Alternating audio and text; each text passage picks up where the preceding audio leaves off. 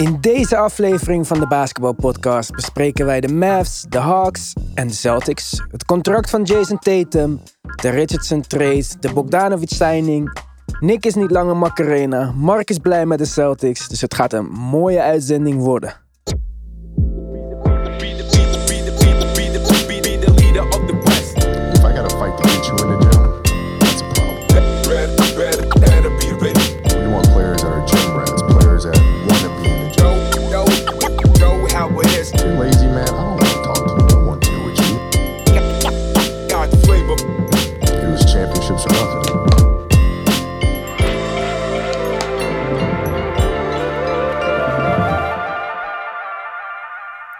Welkom bij een nieuwe aflevering van de Basketball Podcast, waar wij natuurlijk al het basketbal gerelateerde nieuws proberen te delen. Zo heb ik gisteravond zitten kijken naar hoe Nate Robinson in volle niks-kleuren knock-out werd geslagen door Jake Paul. Robinson nou ja, bokste een beetje zoals hij speelde, wild en ongecontroleerd. Dat liep eh, ja, dus niet goed af, helaas. En voordat we de uitzending beginnen wil ik iedereen bedanken voor de nieuwe reviews. Die waren heel vriendelijk, zijn we heel blij mee. We hebben ook weer een aantal e-mails binnen gehad en op dat gebied loop ik echt zwaar achter. Maar ik beloof dat ik daar echt deze week even voor ga zitten en mijn best ga doen om die allemaal te beantwoorden. Als je een korte vraag hebt, dan kun je die ook DM'en op onze Instagram pagina, de basketbalpodcast. Daar zijn we vaak toch wat, eh, ja, wat sneller.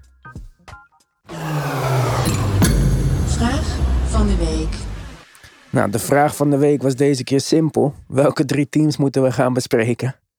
Daar waren een aantal eh, duidelijke voorkeursteams die naar boven kwamen.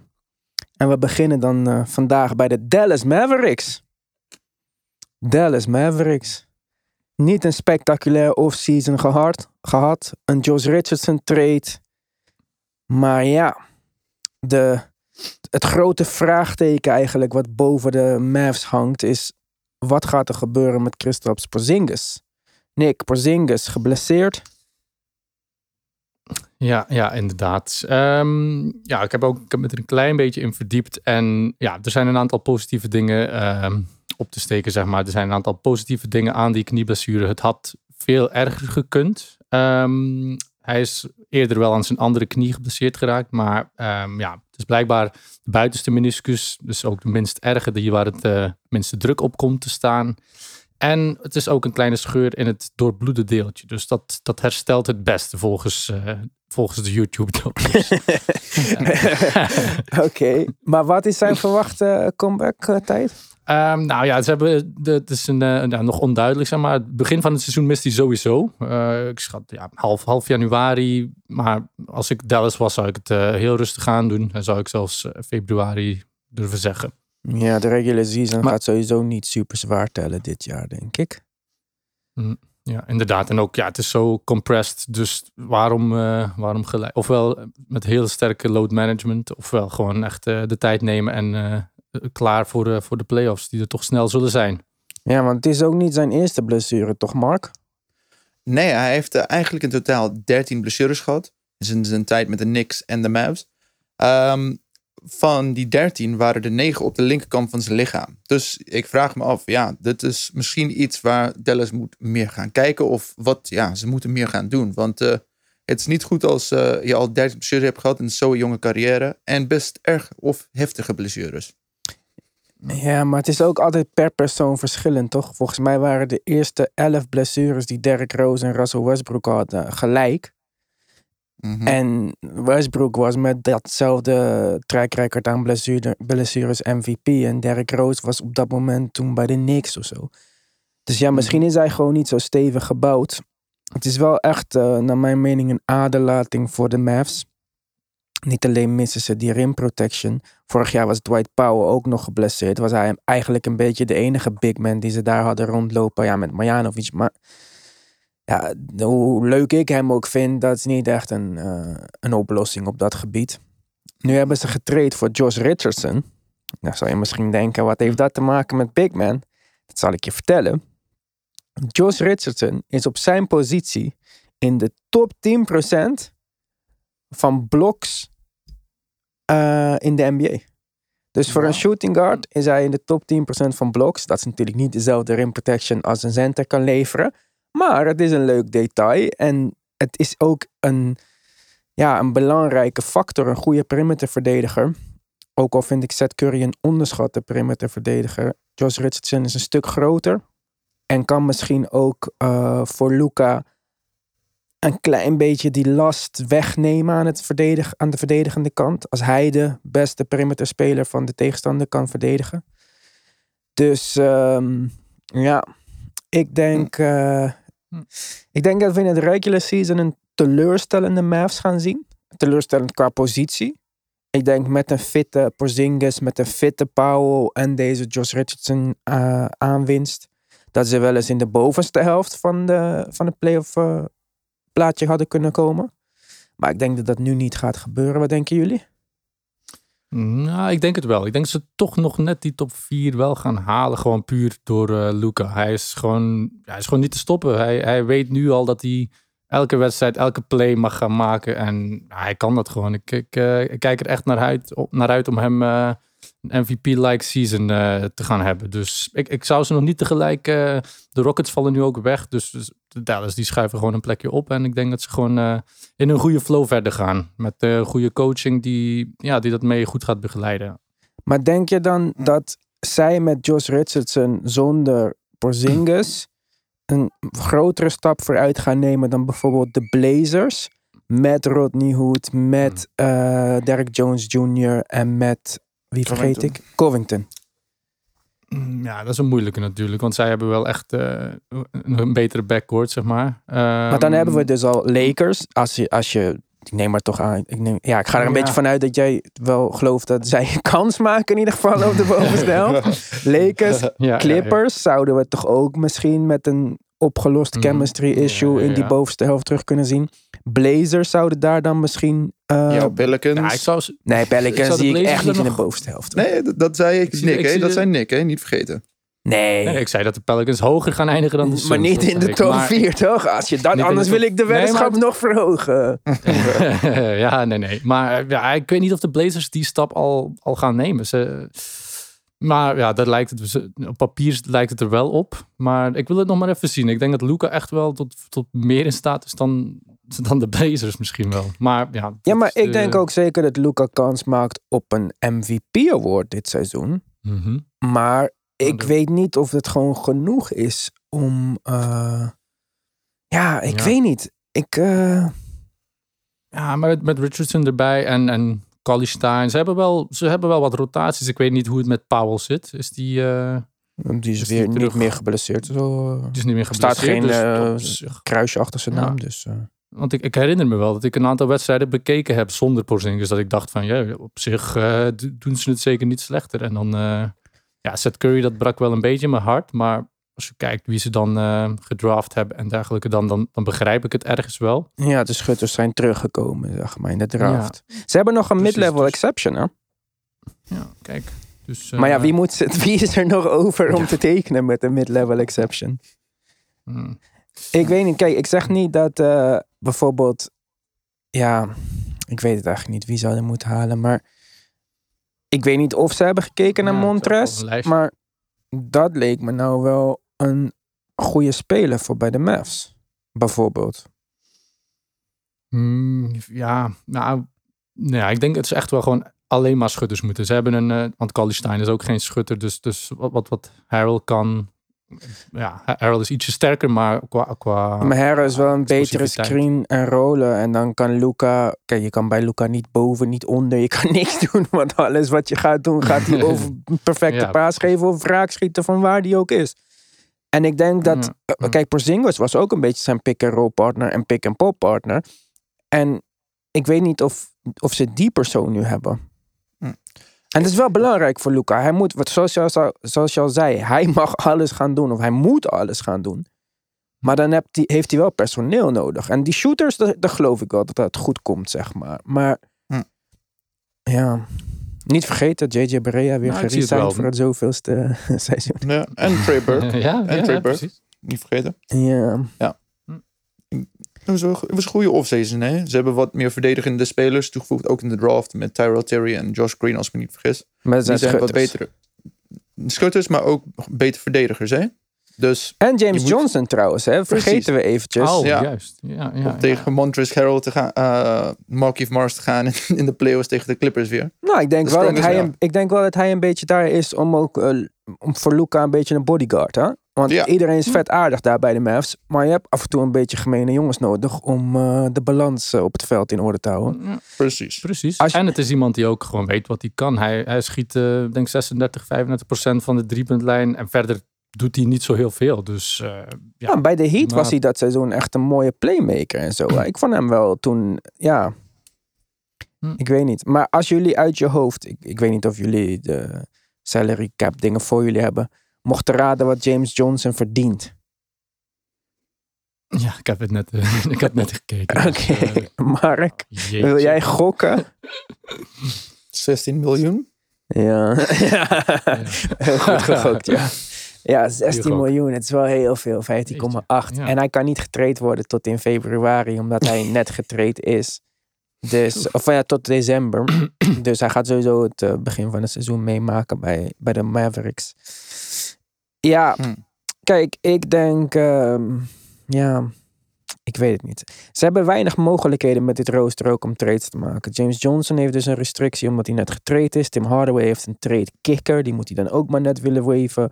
Nou, Josh Richardson Mhm, gaat niet mhm. bewegen. Powell en Kleber, denk dat ze die wel houden. Dat zijn echte Mavs-spelers. Nou, JJ Barea Lee. en Doncic blijven ook. Sorry? Mhm. Courtney Lee, maar ja, wie wil, die nog, wie wil daar nog... eh, Volgens mij is Courtney Lee niet op het rooster meer. Oh, niet meer? Oké, oké. Nee, eh, Courtney Lee is eh, free agent. Maar ze hebben nog wel... eh, ja, ze hebben zijn bird rights. Maar hij heeft een 19,1 miljoen cap hold. Dus ik denk niet dat ze dat eh, gaan gebruiken. Nee, nee. Dus Ja. ja. er is weinig... Ik weet niet of jullie nog hebben nagedacht over een mogelijke trade... of een mogelijke aanwinst ergens. Ja, in mijn opinie was de, was de, de trade, er zijn de meeste moves al gebeurd, zeg maar. ja, Maar, daarom. Ja. Eh, mm.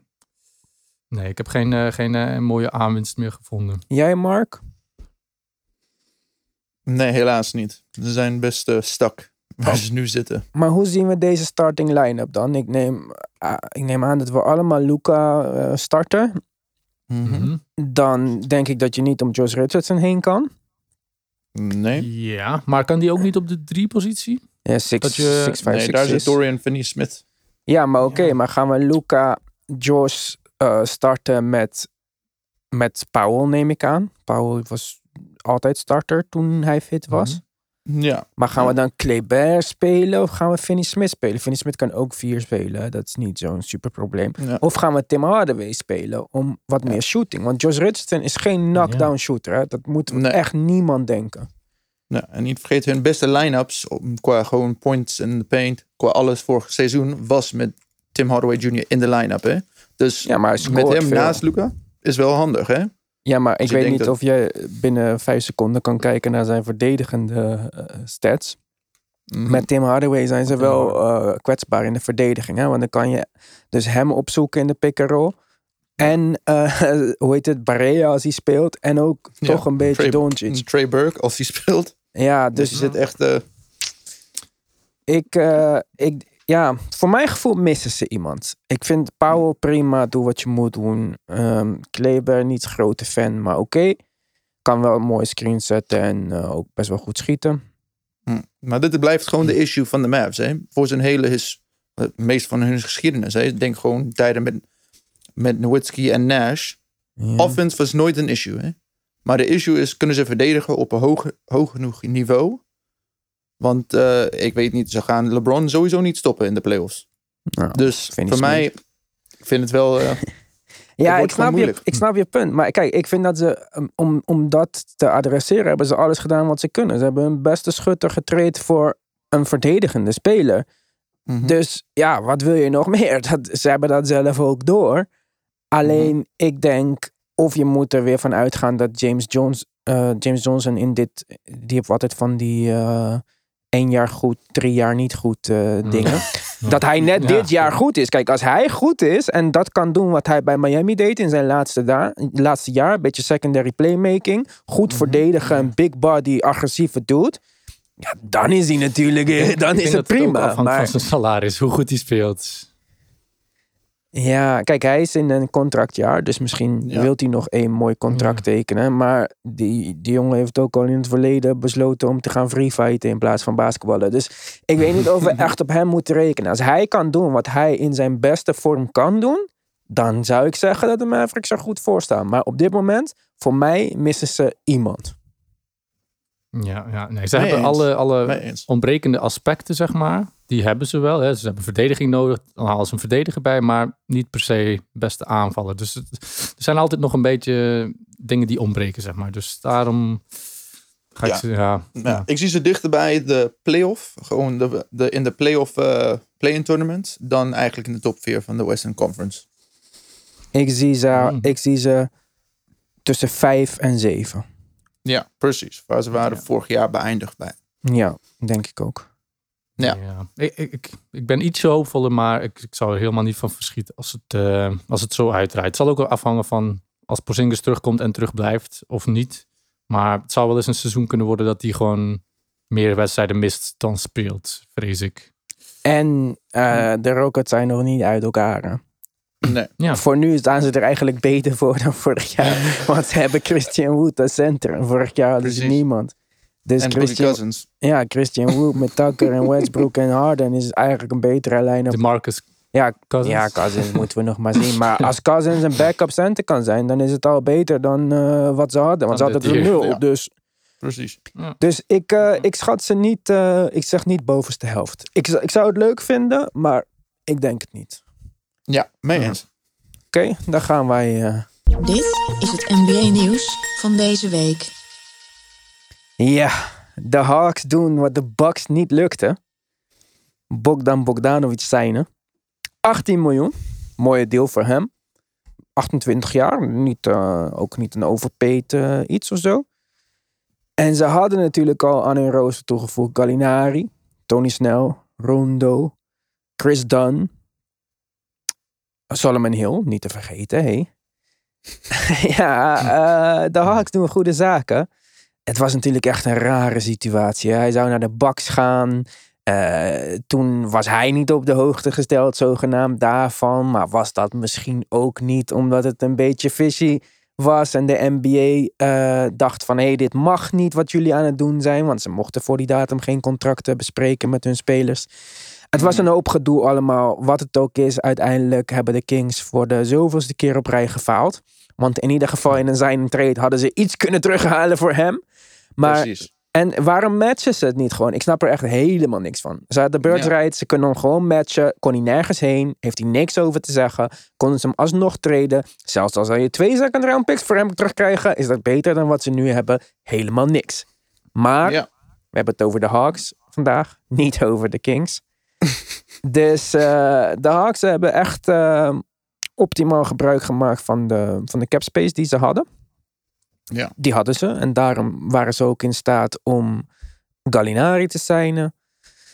Eh, om Rondo te signen. Vergeet dat niet. Rondo is toch eh 7,5 miljoen. Dat is niet niks voor een eh 34-jarige backup, neem ik aan. Point guard. Ik had eerst nog eventjes in mijn hoofd zitten dat hij zou gaan spelen samen met Trae Young.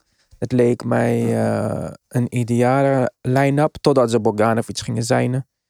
Ik denk toch Mhm. dat jullie het met mij eens zijn dat het Trae Young, Bogdanovic...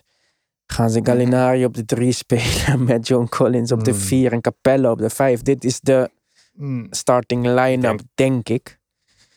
Ik denk dat, Bogda- eh, dat ehm, Gallinari nou, geen drie meer is. Ik zie hem echt eh elk, Denk elk ik ook. Een, eh, een, een plus plekje maar dalen. ik zeg ben maar. bang dat ze dat wel Ik denk gaan dat ze hem spelen. Met...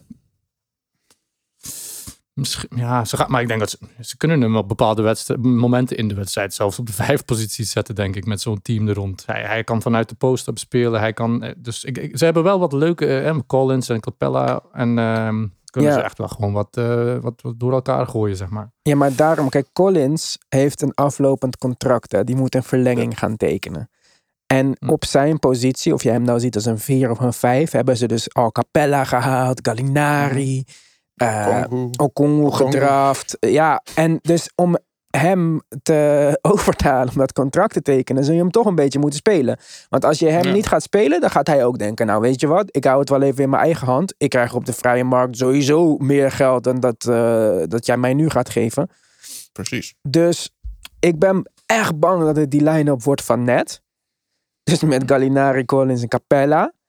En met Bogdanovic en Trae Young. En dan durf ik wel ook een weddenschap af te sluiten dat dit de slechtste verdedigende line-up in de NBA wordt. Ik zou niet weten wie waar iemand gaat stoppen.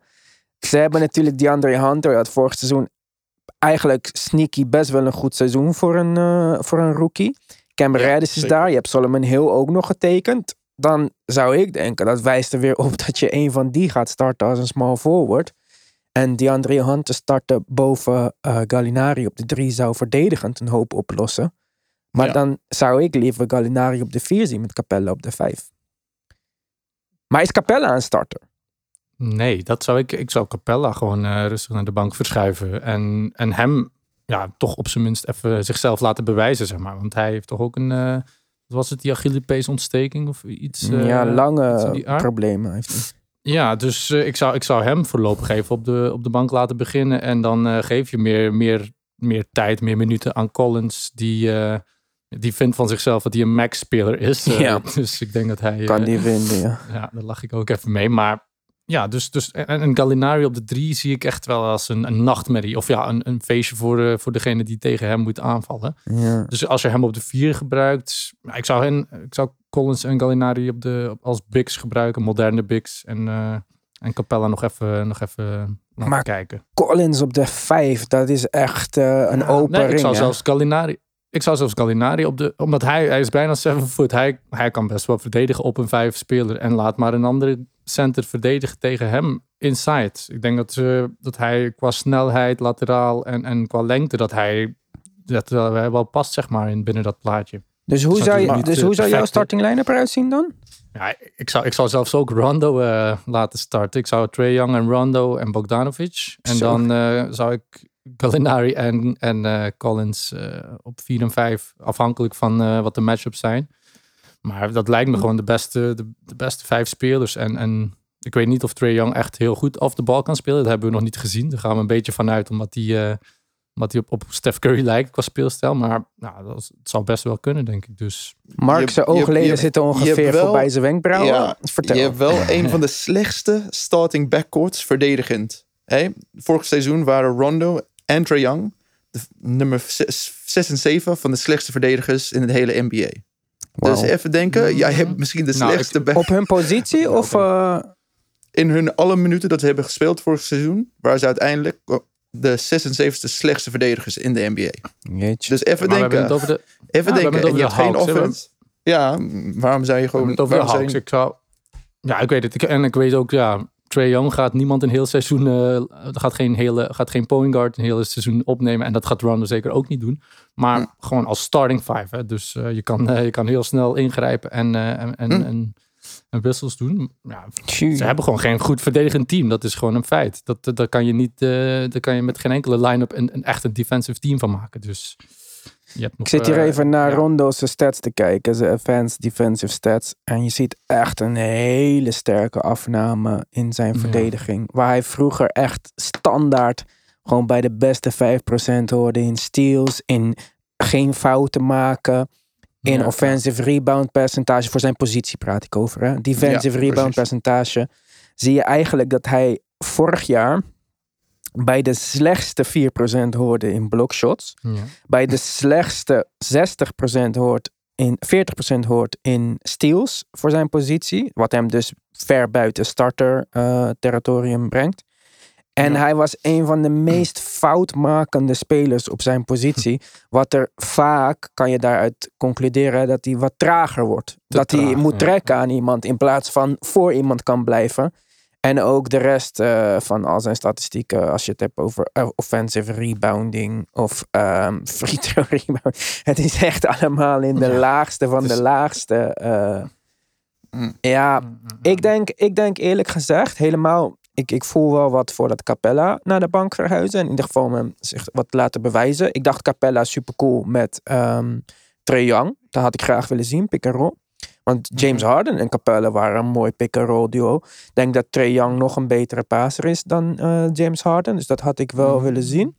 Maar dat kan hij ook gewoon doen met Gallinari en met John Collins. John Collins kan naar de rim uh, lopen en Gallinari kan ook pick-and-pop spelen. En Rondo met Capella, uh... wel interessant. Mijn starting line-up voor, van, dan voor hun zou, ja, ik vind het heel moeilijk om over Capella te praten als ik hem niet heb gezien de afgelopen anderhalf jaar. Maar hm. ervan uitgaande dat iedereen fit is, zou ik Trae Bogdanovic, Hunter, Gallinari en Capella starten. Mark, wat denk jij? Ja. Uh, ik sluit daaraan, maar ik zou misschien in plaats van DeAndre Hunter misschien Cam Reddish daar zetten. Dus zijn eind van het seizoen was veel sterker. Hè? Want hij, je moet niet vergeten, vorig seizoen, net voor uh, het begin van vorig seizoen had hij een uh, surgery op zijn core, ergens op zijn lichaam. Ik weet niet precies de naam. Mm -hmm. En daardoor in de eerste paar de eerste 30 wedstrijden van het seizoen, zag je gewoon dat hij best wel moeite had. En dus de laatste 30 seizoen wedstrijden voor het lockdown zag je echt groot, uh, groot verschil. Ineens was hij meer minuten aan het spelen, meer punten. Zijn drie punten percentage ging omhoog, zijn twee punt percentage. En hoeveel keren hij op de, een van de betere verdedigers was op het andere team. Ja, maar dus ik denk, misschien maakt hij een kans, hè? Hij schiet 33% van drie, man. Ja, maar 40% aan de laatste 30 wedstrijden van het seizoen. Dus even, even neem gewoon het, neem, neem het hersteltijd, hè? Even bij. Als we praten alleen over de laatste ik, 30 wedstrijden, wat best een grote sample size is, hè? Ja, ja, ik zeg zeker niet dat, die, dat het niet telt of zo, uh, die hm. statistiek wat je zegt. Alleen, um, ik denk dat DeAndre Hunter de betere verdediger is. Hm. Hij is wel kleiner dan Cam, maar ja. DeAndre Hunter, ja, die schiet trouwens ook niet zo goed. ik wou echt een punt nu gaan maken, maar DeAndre Hunter schiet 35,7% van 3 en uh, Reddish schiet 33,1%. Dus dat is niet echt dat je zegt een grote verbetering. Als we even kijken naar de verdedigende cijfers van deze mensen, dan zien we dat Cam Reddish hoog eindigt in bloks bij de beste 20% op zijn positie. Ja, verder niet spectaculair. Zien we eigenlijk mhm. dat DeAndre Hunter helemaal nergens spectaculair in is.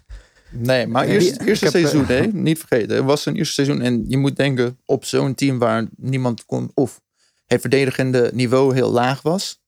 Ja, het wordt gewoon moeilijk mhm. voor iemand zoals dat in zijn eerste seizoen. Ja, jullie hebben me, jullie hebben me net overtuigd om uh, Rondo gelijk naar de bank te halen voor die pick and roll met Capella. En uh, Cam Reddish mag uh, in de starting line-up. Ja. En dan, uh, ja. Gaan Cam Reddish starten boven DeAndre Hunter? Ik denk, ja, ik weet niet waarom als je kijkt naar de minuten ook, vorig seizoen heeft uh, Hunter 31,2 minuten gespeeld. Cam Reddish 25,7. Laten we even kijken naar de vrije worp gemiddeld dus. Want dat zegt meestal heel veel. nee, maar dat zegt veel over... Tiebreaker. Ja, over, wat, uh, over wat het kan worden qua schieten. Dan schiet ja. Cam Reddish 80,5% van de vrije mhm. worplijn. Daarmee behoort hij wel in de bodem van de league op zijn positie. En Cameron en die André Hunter 76,4. Daar is hij dus nog laag mee. Ja, misschien. Even kijken. Wie is het grootst? Wie is het langst? Ja, nee, Cam is sowieso het langst. Okay. En als je kijkt dat bijvoorbeeld Cam is wel iets beter in het creëren van zijn eigen schoten. Vooral mm-hmm. op drie punters wordt hij op 88% van zijn drie punters komt uit een assist. Maar bij die André Hunter is dat 94%. Schoten bij de rim voor DeAndre Hunter 62%. En voor Cam Reddish 54%. Dan ga ik voor Cam Reddish omdat hij beter zijn eigen schot kan. Maar ja, heeft hij dat echt nodig in de starting line-up? Ik, nee, ik zet hem in de starting line-up. en dan uh, mag DeAndre Hunter uh, de bal vangen van Rondo. Ja, ja, nou, ik denk dat we het allemaal wel eens zijn dat, uh, dat de Hawks een, een, pak interessanter zijn. Dat we meer uh, Hawks wedstrijden gaan kijken dan, uh, dan de laatste vijf seizoenen bij elkaar, denk ik. Zeker, ja. zeker. Voor dus- mij is dat echt een, een grote ja. vooruitgang. Want de Hawks waren vorig seizoen voor mij een team wat ik zeker niet ging kijken. Hoe leuk iedereen ook Trae Young vindt. Ik heb gewoon geen interesse om iemand een, een personal record in punten te zien doen breken. Om wat? Om alsnog met 20 punten te verliezen. Dat is voor mij niet interessant. Dus ik ben wel heel erg geïnteresseerd in dit team. Ik zou zeggen, trades niet nodig. Ga maar beginnen. En dan uh, zien we het dan wel wat eruit komt. Zeker. Mee eens. Ja? Iedereen mm -hmm. mee eens? Nou, waar zijn we eensgezind eens. vandaag, zeg. P. Ja. Oh, jeetje. Gaan we door met de volgende categorie. Ja, misschien denk je, where do you go? Boston Celtics. Maar ik vraag me wel af waar ze heen gaan. Ze hebben het goed gedaan door Jason Tatum een nieuw contract te geven. Contract gaan we het zo over hebben. Ze hebben hun ja, tekortkoming op de centerpositie geadresseerd met Tristan Thompson. Mart zei het al, altijd goed voor een leuk aantal rebounds. Maar je verliest Gordon Hayward. En uiteraard is 120 miljoen voor vier jaar een grote investering in spelen met zulke twijfelachtige, uh, met zo'n twijfelachtige ja, toekomst en injuries. Ja. Maar het is wel, ook al was hij maar de vierde beste speler misschien op je team, het is wel een belangrijke playmaker, een, een locker room guy, een ervaren speler, een goede schutter. Ik zou misschien zelfs zeggen dat hij een betere schutter is dan um, Jalen Brown. En ik ben echt een groot fan van Jalen Brown. Hè? Ik zou hem met alle liefde bij de Sixers bijvoorbeeld willen zien. maar Jalen Brown, ook al is hij een hele goede individuele verdediger, zeker een betere één op één verdediger dan Gordon Hayward. Qua teamdefense is Jalen Brown echt verrassend slecht gewoon. En Gordon Hayward verrassend goed. Hm. Dus ja. als je dan mij vraagt, ik denk eigenlijk dat de Celtics slechter zijn dan uh, vorig jaar. Mm, nou, dat zou ik. Uh, nee, daar ben ik het niet mee eens. Uh, dus jij denkt dat ik, Tristan Thompson erbij. En Gordon Hayward weg. Gewoon uit het team. Ik vind gewoon Gordon Hayward wegnemen uit dit team is een kleine stap vooruit. Hoe raar het ook klinkt. Gewoon omdat ze hebben voldoende talent. Ze hebben voldoende spelers op die posities die, die hetzelfde kunnen. Ik zeg al paar jaar dat ze Jalen Brown moeten traden. Maar ze hebben duidelijk gekozen voor hem boven Gordon Hayward. Maar één van die twee moest, moest vertrekken. Jammer dat ze er niks voor teruggekregen hebben. Maar ja, ja misschien krijgen ze dat nog. Hè? Volgens mij is, die, uh, is het nog is niet... nog niet helemaal... Mm -mm. Nee. Ah, okay. Maar ja, je zegt Gordon Hayward is een hele goede locker room guy. Klopt, maar ja, in, in deze locker room guy denk, weet ik niet of er echt een meerwaarde is, zeg maar. Dus je hebt al een Tatum en een, en een Brown en een Kemba Walker die, en een Smart die allemaal heel aanwezig zijn. Ik denk dat hij zich gewoon ook soms een beetje een buitenbeentje voelde. Dat hij denkt van ja, hebben ze me echt wel gemist. Een record zonder Hayward was uh, 14 en 6. Dus echt een, ja, een hele goede record. Beter dan met hem. Dus in mijn opzicht is dat wel een stap vooruit dat je alle andere getalenteerde spelers meer minuten, meer vertrouwen, minder twijfels geeft. Mm -hmm. En ja, Tristan Thompson het is een beetje een, een Kardashian type. Je hebt het al een paar keer gezegd. Maar zo één, één, één, één gast in het team kan wel, zeg maar. Dus uh, Kanter is nu weg. Hij was ook een beetje een rare guy, zeg maar, naast het veld. Mm -hmm. En dus ik denk dat ze dat wel kunnen opvangen. Een goed geleid team, rebounds, ja, scoren hebben ze niet echt nodig van hem. Maar offensive rebound binnenleggen lukt hem nog net. Mhm. Mm -hmm. Dus ik vind dat ze wel een, een stap vooruit hebben gezet. Ik vind ze beter als vorig seizoen. Gewoon door het weggaan van Hayward en, uh, ja, en, een, en een betere rebounder en center erbij. Oké. Okay. En ja, ja. Mark? Bij Boston voor mij is het wel uh, moeilijk. Want Tristan Thompson is natuurlijk, heeft veel meer ervaring in de playoffs dan Gordon Hayward. Ja. Uh, zelfs de meeste van de spelers in de Celtics zijn verder in de playoffs komen zonder Gordon Hayward. Dus qua mm -hmm. ervaring denk ik niet dat het per se heel veel uitmaakt. De natuurlijk, het is Gordon Hayward. Hij was een, hij was een all-star. Hij had een max-contract niet voor niks. Dus natuurlijk hebben ze minder talent. Maar wat me niet moet vergeten is dat vorig seizoen zijn ze bijna in de finales gekomen. Misschien hadden ze dat niet gewonnen. En mm-hmm. zelfs in de conference finales waren ze heel close in de eerste twee wedstrijden. Als ze die hadden gepakt, waren ze in de finales, behalve een Bam Adebayo, bijzondere blok. In de tweede wedstrijd waar ze, ze hebben gewoon een beetje opgegeven. Mm-hmm. Je ziet, deze team kan nog steeds heel ver komen. Ze hebben twee van de sterkste wings. Als Kemba Walker. Wat, want, uh, Die Danny moeten ze treden. Ja. Als Danny Ainge Ja? heeft al gezegd Mm. dat ze gaan heel rustig, uh, rustig omdoen met Kemba Walker, want hij heeft nog steeds best wel last van zijn knie. Dus vooral in de regular seizoen denk ik dat ze niet zo heel hoog zullen finishen. Maar ze hebben wel Teague getekend. Dat is gewoon een goede veteran die gewoon minuten kan oppakken. Je weet, Mm. we weten gewoon dat Tristan Thompson, hij kan wel spelen met som, sommige van de beste eh, centers in de league. En dat was het grootste verschil dat ze niet hadden vorig seizoen. Ik zeg niet dat eh 1, 2, 3 alles opgelost. Ja, maar wanneer Maar hebben dat is wij... wat ze misten. Wanneer hebben wij Tristan eh Kardashian gezien dan? Ik heb hem voor het laatst gezien toen hij met LeBron Ja, nee. James speelde. En toen startte hij niet meer.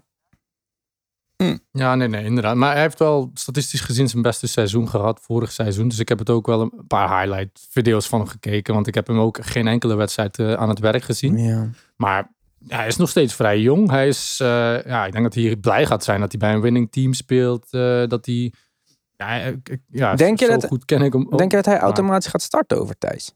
Nee, nee, nee, zeker niet. Maar dat is net mooi, dat hij, dat hij toch een beetje die concurrentie heeft op zijn positie. Want als hij dat niet heeft, ja, dan gaat hij misschien snel gaan zweven, zeg maar. Ik denk dat hij, eh, dat hij niet makkelijk de voetjes op de grond houdt. Maar ik denk dat ja, de Celtics is een team, eh, als hij een paar wedstrijden niet goed speelt, nou goed, dan eh, staat de volgende al klaar. En die gaat het beter doen waarschijnlijk. Dus Hm.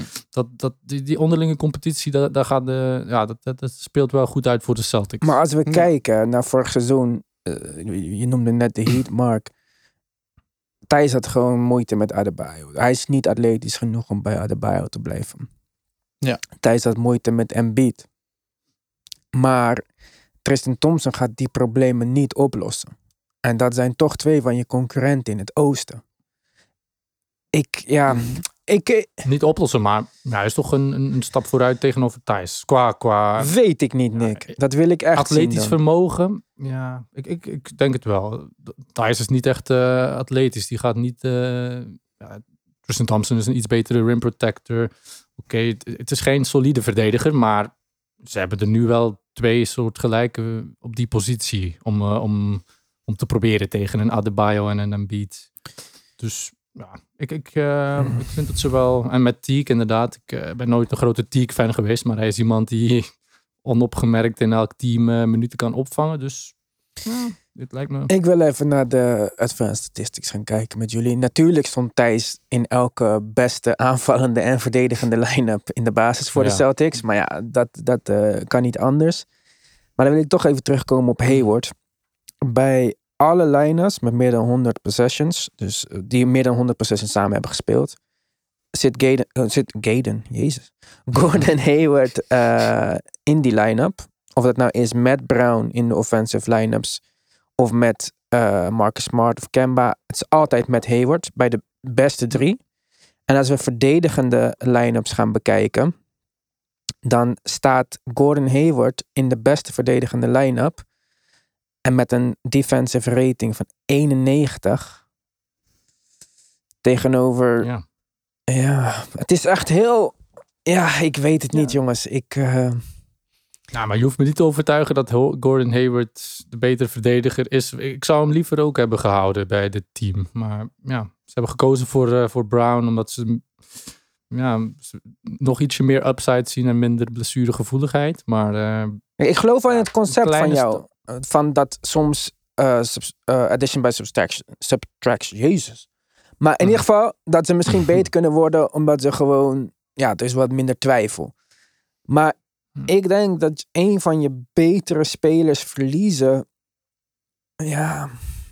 Voor. Ja, ik ik weet- het niet. En de, me- en de meeste, in alle andere teams zou Gordon Hayward, het wegvallen van Gordon Hayward zou, zou ja, een serieuze decline zijn. Maar ja, in dit geval, eh, het probleem was gewoon te veel talent op dezelfde positie, zeg maar. Dus ja, ik denk echt dat de, dat spelers gewoon gelukkiger gaat zijn. Dat de chemistry een grote stap eh, vooruit gaat zetten. Dat eh, Tristan Thompson, ja, li- lijkt me wel nog een, een, een leuke teamgenoot, zeg maar. Die een beetje leven in de brouwerij brengt. Soms een beetje te veel misschien. Maar ja, vergeet niet, ze hebben ook Marcus Smart nog en zo. Dus ze hebben echt wel... Ja, nu, nu staan ze er echt goed voor. Wat vinden jullie van Kemba Walker? Ik vind niet dat ze moeten kijken om die te traden. Ik vind dat die, ehm, dat die ook wel de right guy en de right team kan zijn. Als, eh, als ze een heel seizoen aan de chemistry kunnen werken. En als hij gewoon gezond blijft. Ze hebben Jeff Teague, dus als, als hij last heeft van zijn knie, kan hij gewoon eh, een beetje load managen. Of gewoon ja, niet spelen. Dus dat lijkt me ook. eh, oh, ja, ik zou, ik zou hem echt wel houden. Een, een goede Kemba Walker met, met die andere young guys. Ze kunnen wel, eh, ja, kunnen wel zichzelf overstijgen. Mark, jouw team.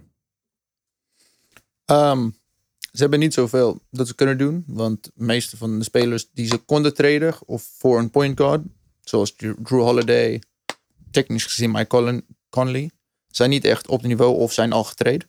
Ja. Ehm, voor mij is het, zolang dat hij fit is of zijn knie bijna op 90% kan komen, hebben ze een goede kans. En dat is, maar dat is echt een grote vraag. En het is een issue. dus daar is het grootste twijfel over. Ik kan, je, ik kan je daar geen eerlijke antwoord geven. Als hij fit is, is het perfect. Als hij Ja. niet fit is, dan hebben we een probleem. Maar jongens, kijk. Boston moet een keertje gewoon naar de finales, toch? Ja. En helemaal in dit jaar, we weten niet wat er met de Sixers gaat gebeuren. De Nets moeten we nog maar terugzien. Eh, Gaat het ook werken qua chemistry? We weten niet. Mhm. ik, ik- ja, de Heat zijn ook wat slechter geworden, naar mijn mening. Met het verlies van Crowder en Derrick Jones Jr. Dat zijn toch. Die waren in die zone defense zo belangrijk. Ik snap niet waarom ze dit hebben gedaan. Oké, we praten niet over de Heat. Dit is het jaar van de Celtics voor mij, jongens. Jason Tatum heeft 195 miljoen gekregen. Met een player optie in het vijfde jaar. Dat is ongeveer het allergrootste, belachelijkste contract wat je iemand kan geven van zijn leeftijd. Die player optie krijg je normaal gesproken niet eens. Dit is hoe goed de Celtics Jason Tatum vinden. Jason Tatum krijgt superster geld met superster voordelen, zo'n player optie. Dus, Ja. en ik zou zeggen dat, kijk, ik, misschien denken mensen dat ik hem niet zo goed vind. Ik vind hem goed voor precies de leeftijd die hij is. Maar ik denk nog niet dat hij is waar hij kan zijn. En dan moet hij voor- mij verdedigen nog wel wat meer gaan laten zien. En ik denk dat met defense zij vorig jaar toch een beetje ja, het, het verloren hebben. Als je kijkt naar wat de Heat deden met dit dog-achtige, overpowerende defense die zij speelden tegen de Celtics. En Kemba is daar gewoon een zwakke schakel in. Alle beste defensive line-ups hebben Marcus Smart. Logisch. Maar Marcus Smart verdedigt vaker de grotere speler. Ook al is hij zo klein, hij verdedigt bijna nooit de point guard. Of de, zelfs de shooting guard. Marcus Smart zie je eerder tegenover wings dan... eh, Hmm. En daarom, en ik weet dat dit heel gek gaat klinken... en dat alle dingen die je tegen Kemba gaat zeggen... als injurygevoeligheid voor deze speler ook gelden. Maar de trade werkt één op één. En ik denk dat ze er nog een aantal picks bij kunnen krijgen ook. En deze speler heeft één jaar korter contract dan Kemba. Dus ik trade Kemba voor John Wall. Mhm. Oeh, dat, Hmm. Ik zie niks Ja, van toegevoegde waarde daar. Nou, op gezegd. papier is dat een veel sterkere defensive line-up. Als je John Wall met Marcus Smart en Jalen Brown... dan wil ik wel weten welke perimeter, speler van de tegenstander gaat scoren één op één. Maar we moeten niet vergeten, John, John Wall's reputatie is veel hoger dan wat het was qua verdedigen. In zijn eerste aantal jaren, de eerste drie jaren, was hij een veel sterker verdediger. Maar na dat werd het gewoon omlager. Dan, toen, nu is hij eigenlijk gewoon een gemiddelde verdediger. Of net boven dat. En denk over de blessures dat hij heeft gehad. Een Achilles, zijn Achilles gescheurd. Ja, oké, maar Kemba heeft komt ook blessures. terug. Dus En ik hij zei is al, dat telt Maar, niet. maar Achilles is anders dan een knie. In dit instantie ook. En John Wall heeft hoeveel maanden niet gespeeld. Dat is iets dat je, waar je geen risico wilt nemen. Dat is, zelfs bij Boston. Het idee is dat je niet domme risico's gaat nemen. En Kemba is En- een risico. Maar John Wall is misschien de grootste risico die je kan nemen. En zijn contract is nog bijna hetzelfde al jaren. Nee, ik zou, Hij ik heeft zie- minder- de- hij minder- schutten- minder contract. Slechte schutten? Nee. Ik zie helemaal geen toegevoegde waarde eigenlijk. Hij is minder lang contract dan Kemba. Ja, Ja, maar ik- vind hem ook geen, geen echte willing passer. Ik vind hem iets te, meer, iets te veel score first voor zichzelf. En ik denk dat het echt wel de chemistry met eh 10% naar beneden gaat halen. Omdat, ja, ik weet het niet. Het, is ja, defensief veel beter als Kemba. Maar Kemba is gewoon meer een, een gunner, om het zo te zeggen. En, en John Wall, die, nee, die wil gewoon de, duidelijk de beste en de leider zijn van het team. En de Celtics is gewoon niet zo'n team. We hebben gezien hoe dat met Kyrie Irving is afgelopen. Iemand die die de man wou zijn van het team. Dat, dat gaat gewoon niet in Boston. Hoe, mocht, je, mocht je hem zo ver krijgen dat hij dat wel inziet, dan kan het. Maar Oké. ik denk niet dat John Oké, Wall... eh, oké, kijkt we gaan hem niet trade- traden. Laat maar zitten. Alleen dan wil ik daar nog even aan toevoegen dat John Wall, Mark zei, laatste jaren verdedigend wat slechter. Dat klopt, omdat hij in de 99ste percent, percentile hij is geëindigd in zijn eerste paar jaren. Maar hij is nooit lager dan de top 3,5% van zijn positie geëindigd in verdediging. Dus ik zou zeggen, even twijfelachtig, korter contract. Geef mij maar John Wall. Ik, ben, ik vind Kemba, ik vond hem superleuk. Hè? Ik, ik vind het ook een hele positieve jongen. Hij is te klein. Hij is niet nodig.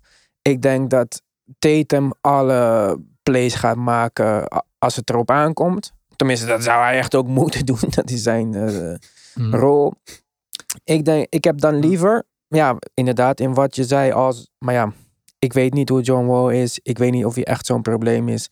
Ik weet niet hoe hij zou zijn als hij naar een titelkandidaat wordt getraind in plaats van die miserabele Wizards de hele tijd.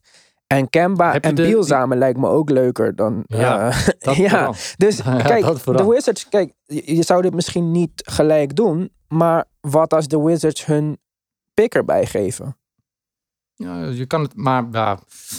Heb je John Wall zijn eh, trade rumor niet gezien eh, een paar weken geleden? Omdat, omdat de Wizards hadden gezegd dat ze, dat ze rond Beal wouden bouwen. Ja, was uit gelijk een trade aangevraagd. Dus ja, ik bedoel, dat- hoezo, hoezo ben je daardoor gechoqueerd, zeg maar? Je Ja, hij is toch de gespeeld, player van dat team? Ja, maar hij heeft drie jaar niet gespeeld. En, en Beal is net, eh, heeft net een seizoen van 30 punten gemiddeld gehad. Dan moet je toch niet gechoqueerd zijn dat, dat ze zoiets zeggen. Om, om Beal vertrouwen te geven. Ik snap je concept, maar ik vind het niet zo raar, eerlijk gezegd. Ik, ik, Ja, ik, had ik- dezelfde, ik had dezelfde reactie in eerste instantie. Dat ik dacht van, jeetje, kom op. Ik ga nou eerst een keer een seizoen spelen. Maar kijk, Ja. bekijk het vanuit zijn perceptie. Hij heeft dat max-contract getekend. Daarbij hebben ze hem waarschijnlijk ook verteld van... John, you're the guy, our leader, la la la. Hier heb je een max-contract. Max-contract betekent in 9 van de 10 gevallen... beste speler op het team. Want je kan er maar Mhm. één van die uitdelen. En... ehm, ja, dan is hij is geblesseerd. Hij heeft het 100% niet, niet bewezen. Ja, 100%. Ja, maar het is gewoon ego. Je kan toch, je kan toch allebei, zeg maar, je je kan toch zeggen, ah, Bradley, we gaan het gewoon samen doen. Nee, omdat, omdat de Wizards zoiets zeiden, gaat hij gelijk eh, als een kind eh, een trade aanvragen. Nee, dat vind ik echt, eh, dat vond ik echt niet kunnen, eerlijk gezegd. Dus dat- dat- dan, dan, dan zie je wel gelijk wat voor persoon die is. En dat, dat, dat heeft hem zo ver gebracht, dat hij, waar hij nu is, zeg maar. Maar Ja, Kemba is zeker je- de aardigere persoon. Maar John Wall is wel een 6'5 point guard. En een Ja. betere passer dan Kemba. Ook al is hij misschien minder willing om de bal te passen. Hij is een betere passer. Ik wil John Wall. Ik, zou, kijk, ik zeg niet dat de Celtics dit moeten doen. Ik snap dat alle Celtics fans nu denken: nee, wat doe jij, vriend? Maar ik zou John Wall wel eens willen zien met Brad Stevens. En eh, ja, ik weet het niet. Ik, ik, misschien schat ik John Wall in zijn beste vorm hoger in dan eh, de gemiddelde persoon. Ik vond John Wall altijd een hele goede point guard. En een hele goede verdediger. En ik vind hem, ja... Ik weet niet. Ik zag het echt voor me. John Wall drijft naar binnen, kick naar buiten. Jalen Brown meer open schoten. Jalen Brown moest te veel eh, shot creation doen vorig jaar. Dat gaat niet werken. Ja, maar John Wall he- heeft ook wel eh, sterke bewijzingsdrang, denk ik nu. Als hij nu terug gaat spelen, gaat hij willen bewijzen dat hij nog steeds de snelste is in de NBA. En dan gaat hij in die fastbreak, gaat hij niet eerst kijken naar de open man, maar gaat hij eerst kijken om, om, om zelf all the way te gaan. Van kijk, zie je ik ben nog steeds de, de snelste. En eh, ik, zie dat gewoon, eh, ik zie dat meer bij de Wizards gebeuren, eerlijk gezegd. Eh, Misschien later in het seizoen, als hij eigenlijk normaal is, of hij normaal kan spelen. En we hebben gezien dat de Achilles, eh, zijn gescheurde Achilles niet zo'n groot issue is. Maar Ja, maar als hij goed speelt, dan wordt de prijs hoger. Dat is ook een punt, hè. We willen hem juist nu, nu we nog picks krijgen om van zijn contract af te komen.